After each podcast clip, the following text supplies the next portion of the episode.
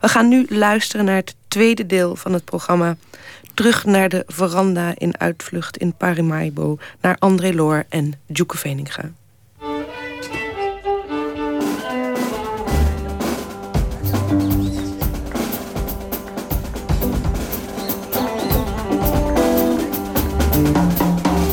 U heeft, zou je kunnen zeggen, de helft van uw leven in de koloniale tijd geleefd... en de helft van uw leven in een onafhankelijk land.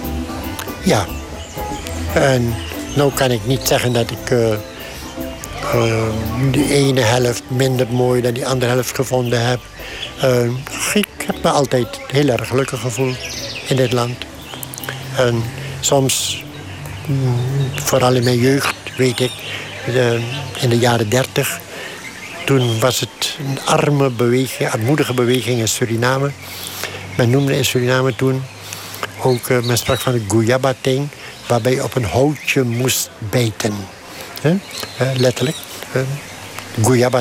Ja. En toen kreeg je ook mensen hier als Doedel en de Kom, die ijverden voor oprichten van arbeidersorganisaties... die dan zouden moeten opkomen voor het lot van de arbeiders. Maar uh, toen de oorlog uitbrak, toen kregen we Amerikanen hier. En die Amerikanen brachten geld hier. Bauxietexport van ons nam toe. Van bauxiet maakte men aluminium. Van aluminium maakte men vliegtuigen. En men zegt dat twee derde van alle vliegtuigen die in Amerika in de oorlogjaren gebruikt zijn, gemaakt zijn van Surinaams aluminium. Tenminste, aluminium verkregen uit Surinaams bauxiet. En zo komen we meteen terecht in een belangrijke periode, de jaren 40. Loor woont als jongen op de boerderij in Uitvlucht, net buiten Paramaribo, niet ver van het vliegveldje Zorg en Hoop. Daar waar de Amerikanen hun blimps, een soort slappe zeppelins, laten opstijgen voor de verkenningstochten langs de kust. Er kunnen Duitse duikboten ontdekt worden, die het op de bauxietschepen hebben voorzien. En dan, dan renden wij altijd naar Zorg en Hoop. En dan hielpen wij met die touwen die blimp omlaag trekken. Want die blimp landde niet op eigen gezag zoals vliegtuigen. Die moest je omlaag trekken. Dus hij kon laag vliegen en trokken we hem omlaag. Dus dan vonden we het leuk. Dus zodra we kwamen, als hij kwam, we hoorden hem, dan renden we naar Zorgenhoop. Dan gingen we helpen om die blimp omlaag te trekken. En die mensen die hier laag, laag overvlogen, die kon wuiven die kon ze zien. En dan gooiden ze wel eens een pakje lekkers voor ons. En vonden we leuk natuurlijk en dan renden we om lekkers op te halen. Ook voor de oorlogsvoering tegen de Duitsers in Noord-Afrika was Suriname van belang. De Amerikanen gebruikten internationale vliegveld Zanderij als een van de noodzakelijke tussenstops, waar de vliegtuigen konden tanken voor de lange oversteek. Zanderij was voor de Amerikaanse oorlogvoering heel erg belangrijk. En daarom uh, hebben zij, kost wat het kost, Zanderij uitgebreid, gemoderniseerd. En de weg naar Zanderij, van onverwacht naar Zanderij, hebben zij toen aangelegd. Dus arbeiders hadden ze nodig. Betaal, kom werken, ik betaal wat je wil. En de arbeiders verdienden toen op de plantages 1,50 per dag. Maar uh, de Amerikanen betaalden geen 5 gulden. 6 gulden per dag. Dus iedereen wilde bij de Amerikanen werken. En zo kwam ook een jongen hier in Paramaribo solliciteren bij de Amerikanen. En de Amerikaan vraagt hem... What's your nationality? Waarop de jongen zegt... Nationaal? Vergunne meneer. Ik zal het maar vertalen in het Nederlands. Ik speel niet voor het nationaal elftal. Ik speel voor Transvaal, is een voetbalclub. What's your age? Minus nog age. Age was een merk van een goedkope sigaret. Je kocht zes sigaretten voor 5 cent. Minus nog age mismogen ze zo Lucky Strike. Dus die, die moppen kreeg je dan uit in de tijd van de Amerikanen. En die Amerikanen hebben veel geld in omloop gebracht.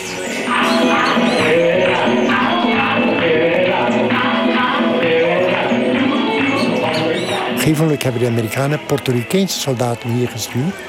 om uh, te helpen de wacht te houden. En toen zijn er ook Spaanse liedjes in omloop gekomen. In de oorlogsjaren Spaanse muziek. Ah, heeft ingang gemaakt. Toen hebben we hier leren dansen, de merengue, de guaracha en al, dat soort dingen.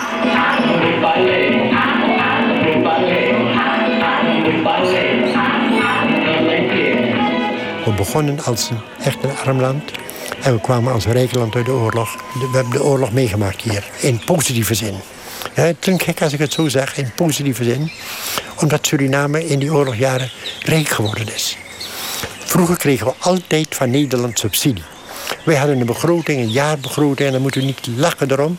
Onze jaarlijkse begroting van Suriname was 5 miljoen.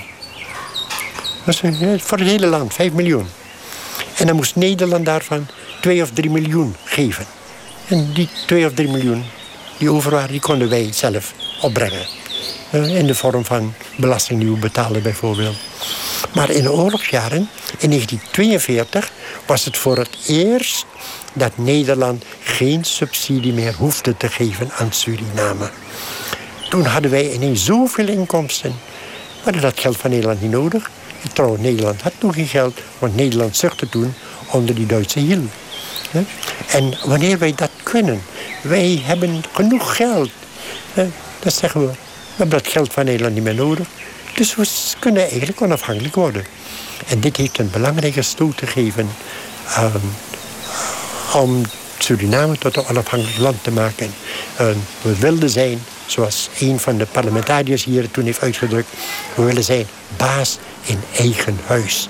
En merkwaardig dat in 1942 op 7 december koningin Wilhelmina in haar toespraak vanuit Londen dezelfde woorden gebruikt heeft. Wij willen de koloniën na de oorlog laten zijn baas in eigen huis. Een week tevoren had de Surinamer het hier al gezegd. En toen is de roep om onafhankelijkheid begonnen. In, ik kan zeggen, 42. En uiteindelijk, geleidelijk aan, werd het uh, beter. Kregen we steeds meer te zeggen. En in 1975, toen werd Suriname volledig onafhankelijk.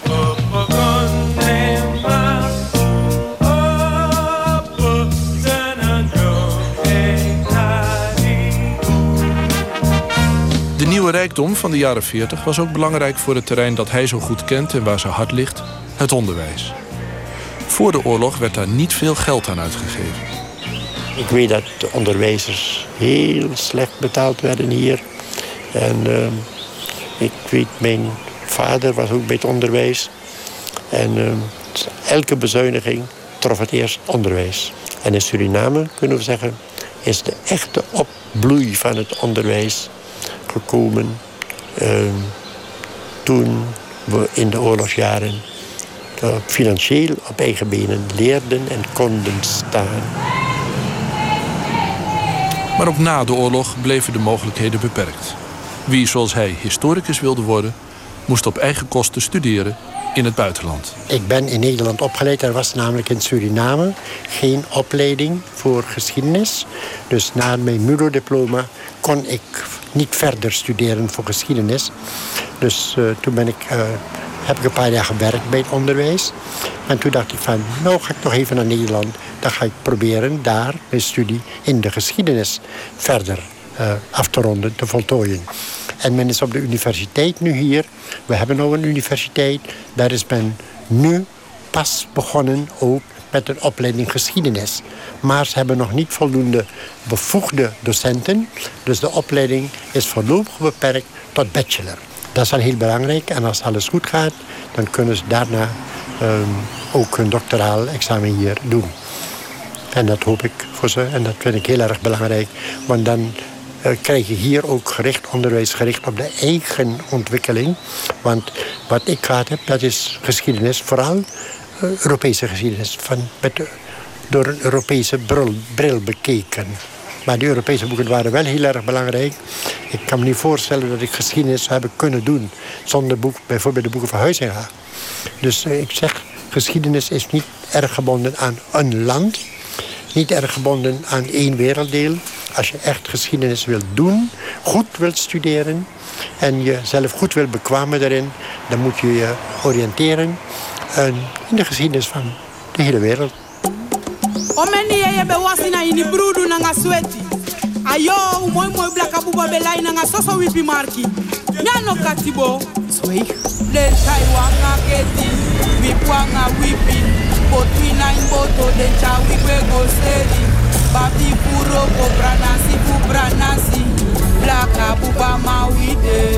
Ik zit in een taxi op weg naar de universiteit... om te horen hoe de Surinamisering van het geschiedenisonderwijs vorm krijgt. We rijden over de voormalige Wanika-straat, nu de Johan Adolf Pengelstraat. Want veel straten hebben nieuwe namen gekregen. Natuurlijk ook een teken van die Surinamisering. Jopie Pengel, beroemd politicus in de jaren 60... heeft al een standbeeld op het onafhankelijkheidsplein en een vliegveld. En ook een imitator die hem feilloos nadoet. Zoals ik hoorde op een culturele avond waar deze artiest spontaan de microfoon greep. Ik vraag u om van uw land te houden. Ik vraag u niet om van mij te houden. Ik hou wel van u. Ik vraag u ook niet om te doen wat ik zeg. Maar wat ik vraag, kijk naar de formatie en kijk en stel uzelf de vraag. Het verkeer in Paramaribo is druk met veel opstoppingen. Iedereen doet hier alles met de auto. De stad is uitgestrekt, het openbaar vervoer is onderontwikkeld. En er wordt links gereden. Ik heb me altijd afgevraagd waarom de Nederlandse kolonisatoren niet hun eigen rechtse verkeer meenamen. Ik weet het nu. Het staat in André Loors geschiedenisboek. Een krantenartikel uit 1910 over een man die uit buurland Guyana met zijn auto naar Suriname kwam. Als kermisattractie reden mensen rond. Als je uh, 2,50 betaalde, dan kon je een half uur met hem toeren. En als je meer wilde toeren, dan betaalde je 5 gulden. En die man, omdat hij uit Guyana kwam... dat was een Engelse kolonie... waar ze linksverkeer hadden... naar analogie van Engeland. Engeland reed links. Guyana reed links. Dus die man reed hier links. Dus toen Suriname zelf auto's begon te importeren... de Surinamers zelf auto's gingen rijden... naar analogie van Guyana hebben ze toen ook links gereden.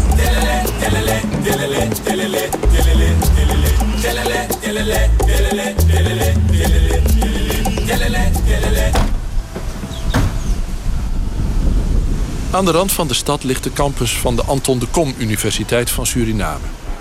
De universiteit is opgericht in de jaren 60 en werd in 1983 vernoemd naar de vrijheidsstrijder. De universiteit gaf André Loor een eredoctoraat in de geschiedenis. Er zijn drie collega-historici aan de universiteit verbonden. Jerry Egger is één van die drie. Enthousiast bezig met het ontwikkelen en stimuleren van de eigen visie op de eigen geschiedenis, losgemaakt van de koloniale blik. Hij geeft een voorbeeld waar dat over kan gaan. Leefstraffen. Ja? Je kan heel neutraal schrijven. Het is gebruikelijk geweest uh, in de periode van de slavernij om leefstraffen te geven. Maar je zou dus vanuit het Surinaamse perspectief kunnen schrijven over wat is het effect van die straffen op een maatschappij. Ja? Want op een gegeven moment worden die uh, tot slaafgemaakte mannen en vrouwen vrije mensen. En wat is het effect als je je hele leven lang geconfronteerd bent geweest met geweld?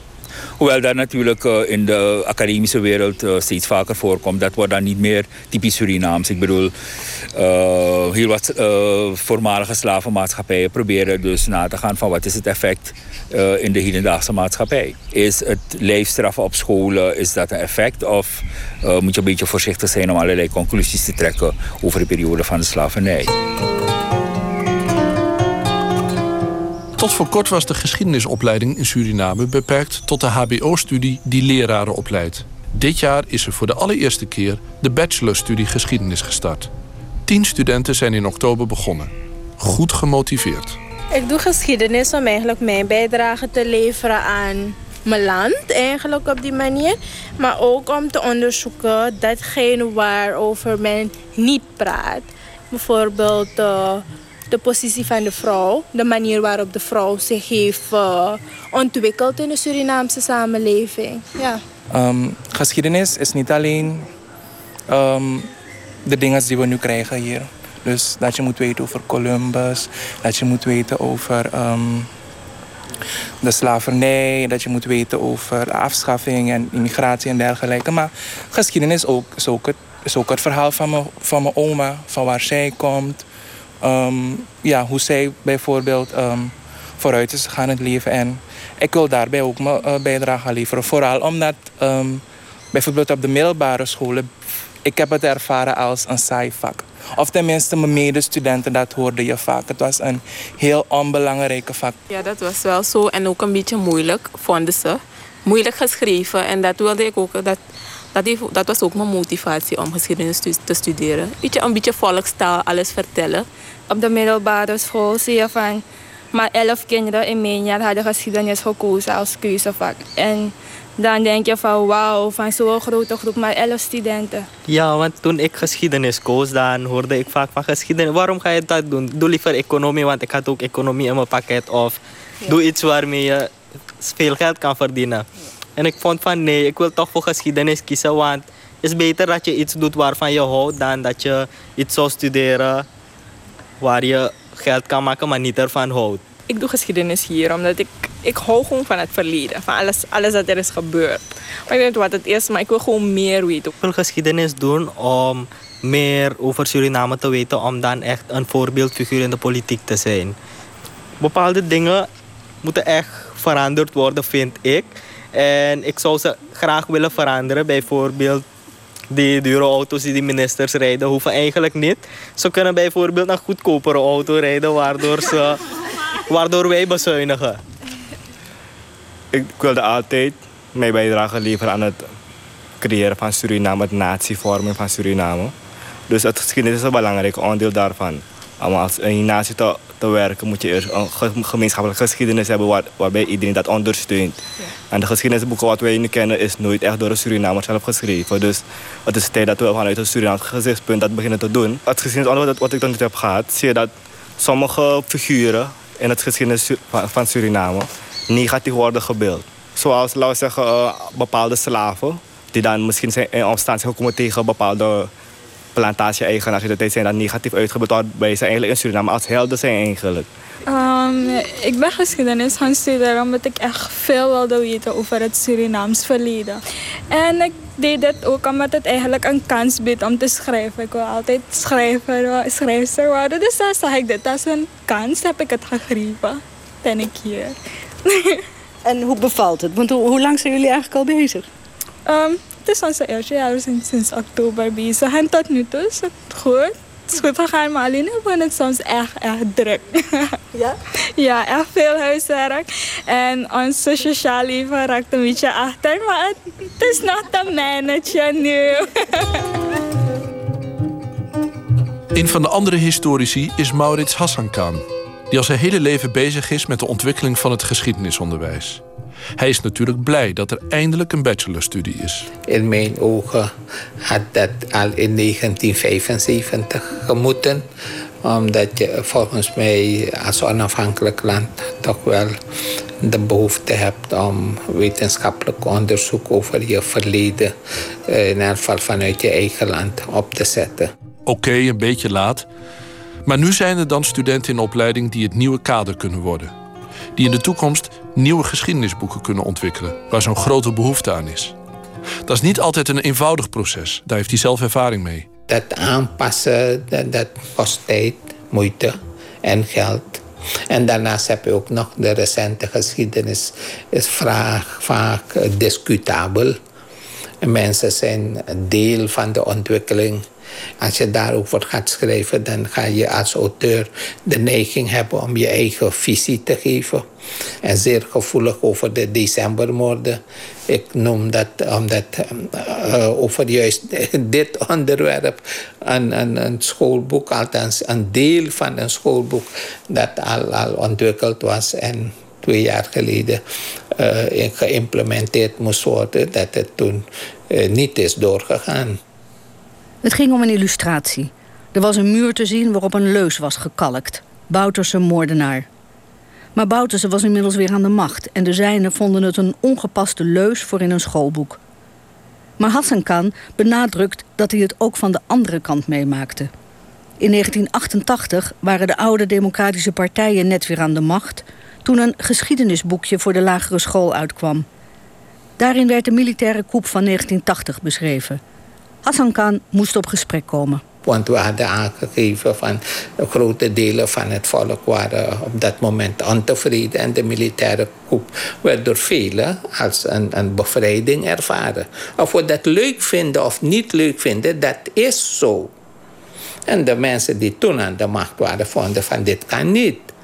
En, en oké, gelukkig is het toen opgelost, want ik heb toen we leefden toen in een iets meer democratische situatie, waarbij ik aan de mensen heb gevraagd: wat zijn nou precies de dingen die jullie uh, steken? Wat, met welke passage ben je niet eens?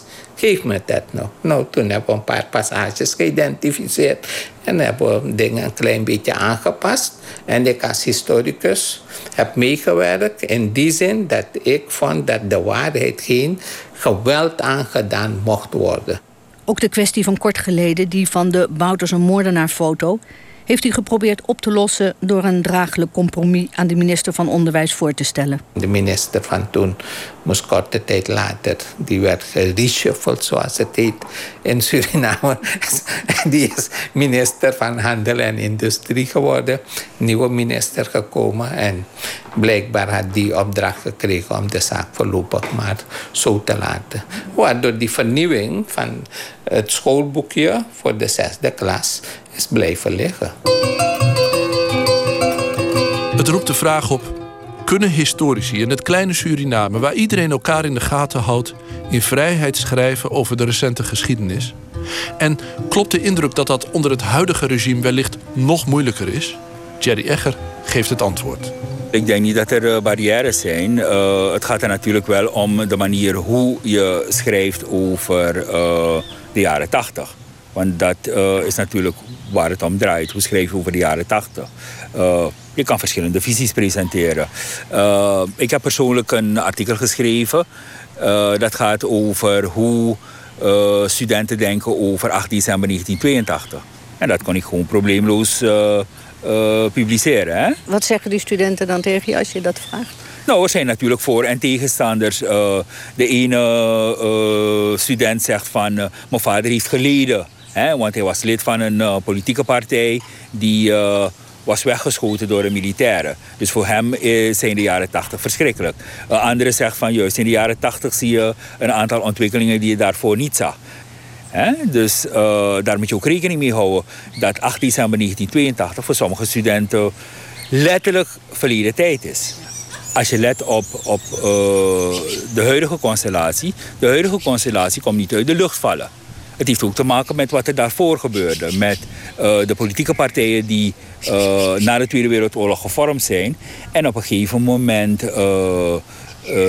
om verschillende redenen steeds minder appelleerden aan laten we zeggen, de, de jongeren bijvoorbeeld. Hè? Het klassieke voorbeeld is, als je let op Bouterse en zijn contacten met de jongeren ondanks het feit dat hij misschien zijn uh, leeftijd niet mee heeft, dat zijn appelleren aan de jongeren toch veel beter overkomt op die jongeren dan, laten we zeggen, de traditionele politici. De studenten behoren tot de meerderheid in het huidige Suriname. Jong en van alle kleuren en culturen en districten. Met hun gezamenlijke verleden en hun gezamenlijke toekomst bezig. Wat mensen bindt is, denk ik, dat ze onderdeel zijn van een maatschappij. Uh, ik hoef niet naar jouw feest te gaan, jij hoeft niet bij mij te komen, maar we kunnen wel naast elkaar wonen en uh, op gezette tijden bij elkaar komen. Er zijn momenten dat uh, die eenheid er is. En er zijn andere momenten dat iedereen zijn eigen um, weg opgaat. Ja? Dus ik denk dat het heel belangrijk is dat niks wordt opgedrongen aan mensen. Dat de, de, de, de binding of het gevoel dat je behoort tot Suriname iets, een natuurlijk proces is. Ja? Dus dat idee van er moeten maatregelen komen om mensen te binden, om, om, om uh, hè, het alles tot één, een soort van eenheidsworst te maken. Uh, ik denk niet dat dat gaat werken. Het werkt niet.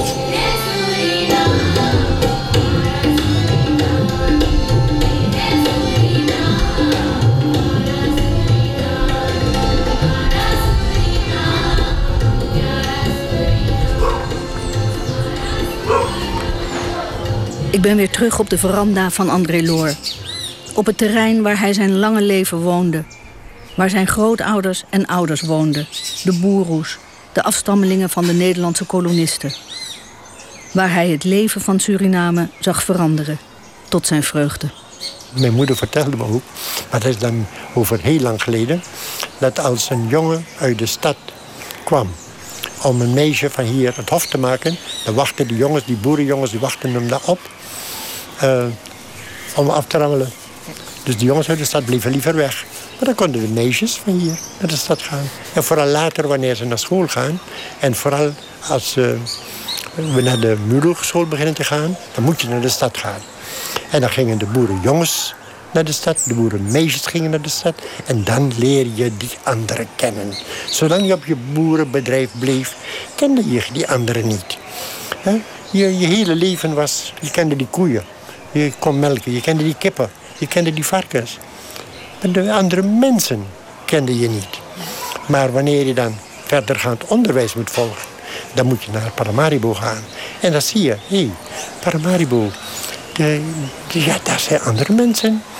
En, en dan raak je bevriend met die andere mensen. En uit die vriendschap komen uiteindelijk liefdesverhoudingen voor. Uit de liefdesverhoudingen komen huwelijken voor. Nou zijn die boeren, net zoals alle andere Surinamers, vermengd of in het proces van vermenging. Ja. In een proces van vermenging, dat is mooi gezegd. Want dat is nog steeds gaande eigenlijk. Ja, ja.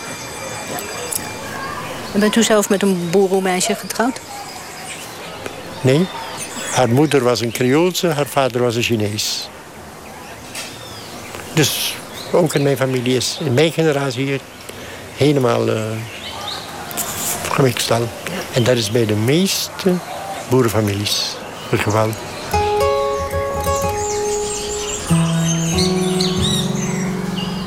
Als boeroe ben ik Surinamer. En dat, zo beschouw ik eigenlijk alle andere Surinamers als Javaan zijn ze Surinamer, als Hindustan zijn ze Surinamer, als Creool zijn ze Surinamer. We zijn allemaal Surinamers. En uh, ik vind dat wij in de loop der tijden aardig naar elkaar zijn toegegroeid, alle Surinamers.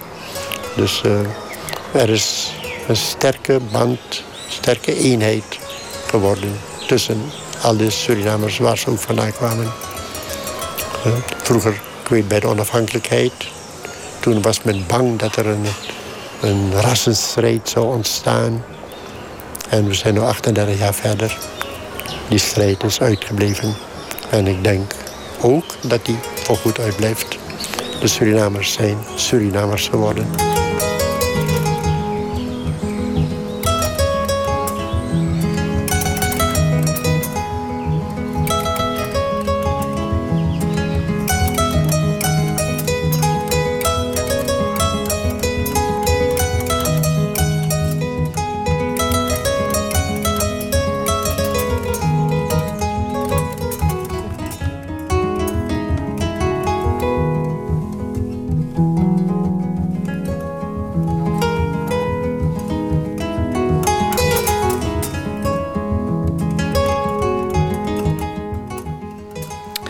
Zover het tweede deel van het tweeluik dat Joeke Veninga met en over André Loor maakte.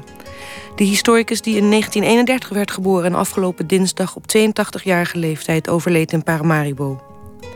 Techniek Berry Kamer en de stem die u hoorde was van Matthijs Deen.